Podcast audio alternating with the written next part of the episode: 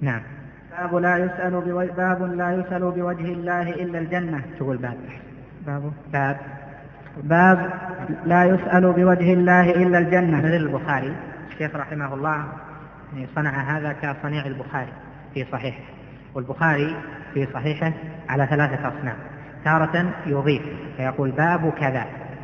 وتارة يقول باب فتقول باب وتكمل. أو تقول باب وتسكت ثم تكمل الكلام. هذه ثلاثة أصناف في البخاري جارية في هذا الكتاب. نعم. باب لا يسأل بوجه الله إلا الجنة. الصنف الثاني. باب. باب لا يسأل بوجه الله إلا الجنة. بس ما تقف صلهم. أي تصل نعم. باب لا يسأل بوجه الله إلا الجنة. عن جابر قال قال رسول الله صلى الله عليه وسلم لا يسأل بوجه الله إلا الجنة رواه أبو داود. هذا باب لا يسأل بوجه الله إلا الجنة. ومناسبته لكتاب التوحيد ظاهرة من أن تعظيم صفات الله جل وعلا وسواء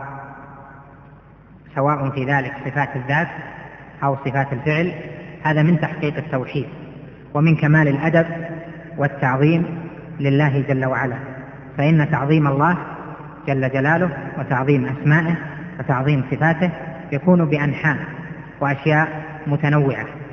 ومن ذلك أنك لا تسأل بالله أو بوجه الله أو بصفات الله جل جلاله إلا المطالب العظيمة التي أعلاها الجنة.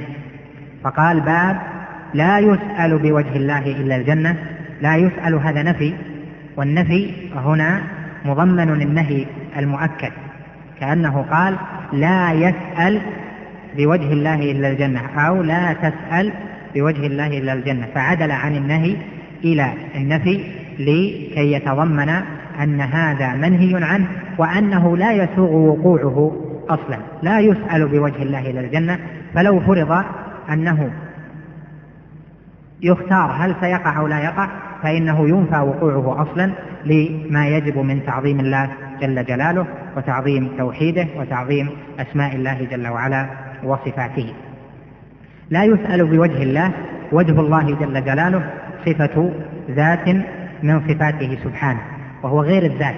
الوجه صفة من الصفات وهو ما يواجه به. الوجه في اللغة ما يواجه به وهو مجمع أكثر الصفات في اللغة. الوجه ما يواجه به ويكون مجمعا لأكثر الصفات. فالله جل وعلا متصف بالوجه متصف به على ما يليق بجلاله وعظمته. نثبت ذلك إثباتا. نعلم أصل المعنى ولكن كمال المعنى أو الكيفية فإننا نكل ذلك إلى عالمه وإلى المتصف به جل جلاله. ولكن نثبت على أصل عدم التمثيل والتعطيل كما قال جل وعلا ليس كمثله شيء وهو السميع البصير. إلا الجنة الجنة هي دار الكرامة التي أعدها الله جل وعلا للمكلفين من عباده الذين أجابوا رسله ووحدوه وعملوا صالحا.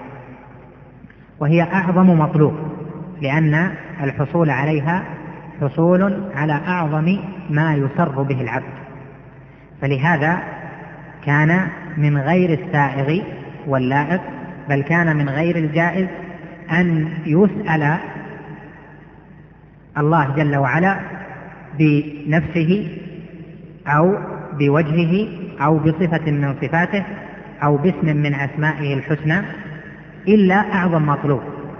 فإن الله جل جلاله لا يسأل بصفاته في الأشياء الحقيرة الوضيعة بل يسأل أعظم المطلوب وذلك لكي يتناسب السؤال مع وسيلة السؤال.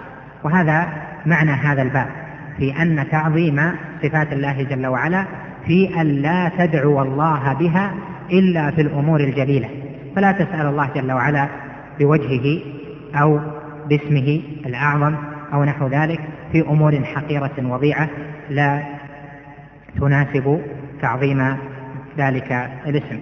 قال عن جابر قال قال رسول الله صلى الله عليه وسلم لا يسأل بوجه الله إلا الجنة. رواه أبو داود. وهذا ظاهر في ما بوب له الشارح رحمه رحمه الله تعالى. ما بوب له الإمام المصنف رحمه الله تعالى وقد قال العلماء هنا إن وجه الله جل جلاله يسأل به الجنة ولا يجوز أن يسأل به غيرها إلا ما كان وسيلة إلى الجنة أو كان من الأمور العظيمة التي هي من جنس السؤال بالجنة أو من لوازم السؤال بالجنة كالنجاة من النار وكالتثبيت عند السؤال ونحو ذلك. فالأمر المطلوب الجنة أو ما قرب إليها من قول أو عمل والنجاة من النار أو ما قرب إليها من قول وعمل.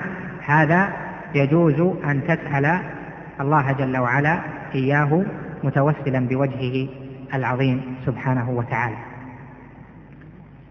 وأما غير الوجه من الصفات أو من الأسماء فالأدب ألا تسأل إلا في المطالب العظيمة.